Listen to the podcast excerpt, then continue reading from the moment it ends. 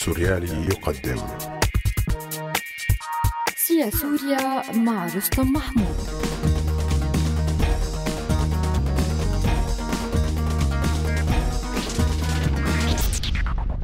السوريون ورثة الخسران. سواء داخل سوريا أو خارجها ثمة مئات الآلاف من السوريين الذين صار الخسران يشكل ضميرهم الأكثر عمقا. فهؤلاء يستجمعون في ذواتهم انواعا مركبة من الشعور بالخزي والخديعة والتخلي الذي مارسه العالم معهم. العالم بدوله ومؤسساته وقواه الثقافية والسياسية. حتى أن الغالبية المطلقة منهم بالذات من الأجيال التي تتراوح أعمارهم بين العشرين والأربعين عاما صارت هذه الغالبية تعي وتعرف وتحدد العالم بدلالة هذه الأفعال التي مارسها تجاه السوريين تجاههم فالعالم قاس وغير مبال بالنسبة لهم وفي مرات غير قليلة. هو عالم متآمر وعدواني وربما عدو.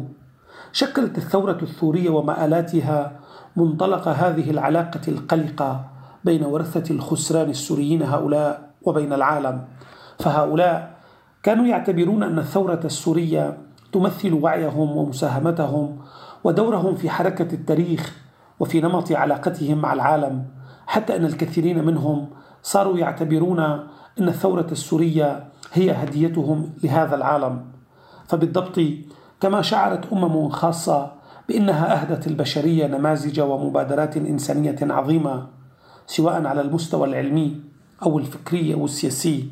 ثم ثارت فيما بعد إرثا عالميا وإنسانيا مطلقا كذلك بالضبط كان يشعر السوريون تجاه ثورتهم التي كانوا يعتبرونها محملة بكل القيم السامية التي تحدد نظاما سياسيا مطلقا في وحشيته وطائفيته وعدوانيته تجاه مجتمعه الداخلي ومحيطه وكذلك العالم.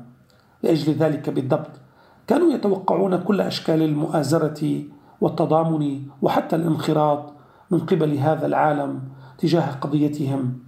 لكن العكس تماما هو الذي حدث. ثمة طيف واسع من التحولات الصميمية التي ستطال شخصية وهوية هؤلاء. يمكن رصدها بأربعة نماذج واضحة المعالم. تشكل كل واحدة منها نمطا من أنماط الاعتداء على شخصياتهم وسياقات حيواتهم التي ما كان لها أن تكون كذلك قط لولا هذا الخسران.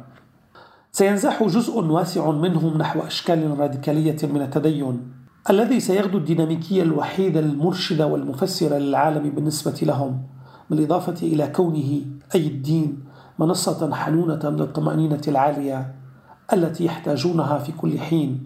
هذا التدين الذي سيسخرونه للغاية ليتمكن من تفسير هذا الخسران وربما لتجاوزه ولو بشكل ظاهري.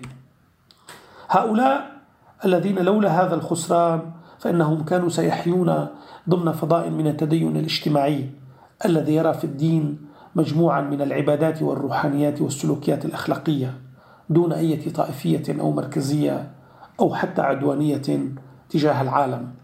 النمط الثاني منهم سيبنون شكلا من التدين العلماني بالذات تجاه العالم إذ سيعتبرون بأنه وراء الأحداث الظاهرة ثمة مؤامرة كونية كلية تقودها قوى وأنظمة وشركات وجهات عالمية تريد الإطاحة بنا. نحن الذين نشكل مزيجا من الشرق والهوامش والفقراء والمناهضين للإمبريالية فالعالم بالنسبة لهم ولأسباب مفهومة سيغدو غامضا بطريقة مركبة بشكل يتجاوز بما هو عليه بالنسبة لأكثر المنتمين للتنظيمات الدينية الراديكالية. ستسعى فئة ثالثة من هؤلاء إلى اصطناع أوطان بديلة غالبا لن تكون على شكل اندماج في دولة أو مجتمع ما بذاته. سينتمي هؤلاء إلى منظمات ومؤسسات عالمية عابرة للدول. سيندمجون ويغرقون في آلياتها وخياراتها وخطابها التي قد تختلق لهم قضية وفضاء روحيا بديلا عما خسروه في قضيتهم السورية.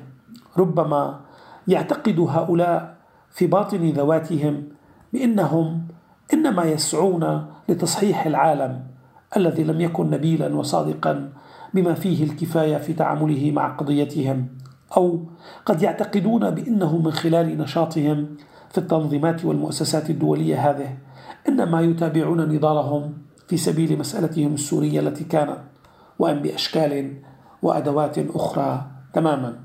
سيكون الخسران الأكثر قسوة على نمط خاص من السوريين. هؤلاء الذين سيجدون أنفسهم مجبرين على إعادة صياغه علاقاتهم مع مؤسسات وخيارات وأجهزة النظام السوري. فهؤلاء سيمرغون في تجربة قاسية تجبرهم على رجم خيارهم الذي كان وإعادة تأهيل النظام السوري بكل سلوكياته ووحشيته. التي كانت ربما ضد هؤلاء بالذات ليعود لاستمرائه وقبوله. سيخوض هؤلاء حربا ثانية على ذواتهم وربما محيطهم الاجتماعي لكنهم ربما لن يجدوا سبيلا غير ذلك. بالذات بالنسبة لآلاف الموظفين المندمجين في المؤسسات البيروقراطية للنظام السوري الذين لا يعرفون دربا لكسب رمق الحياة بغير ذلك.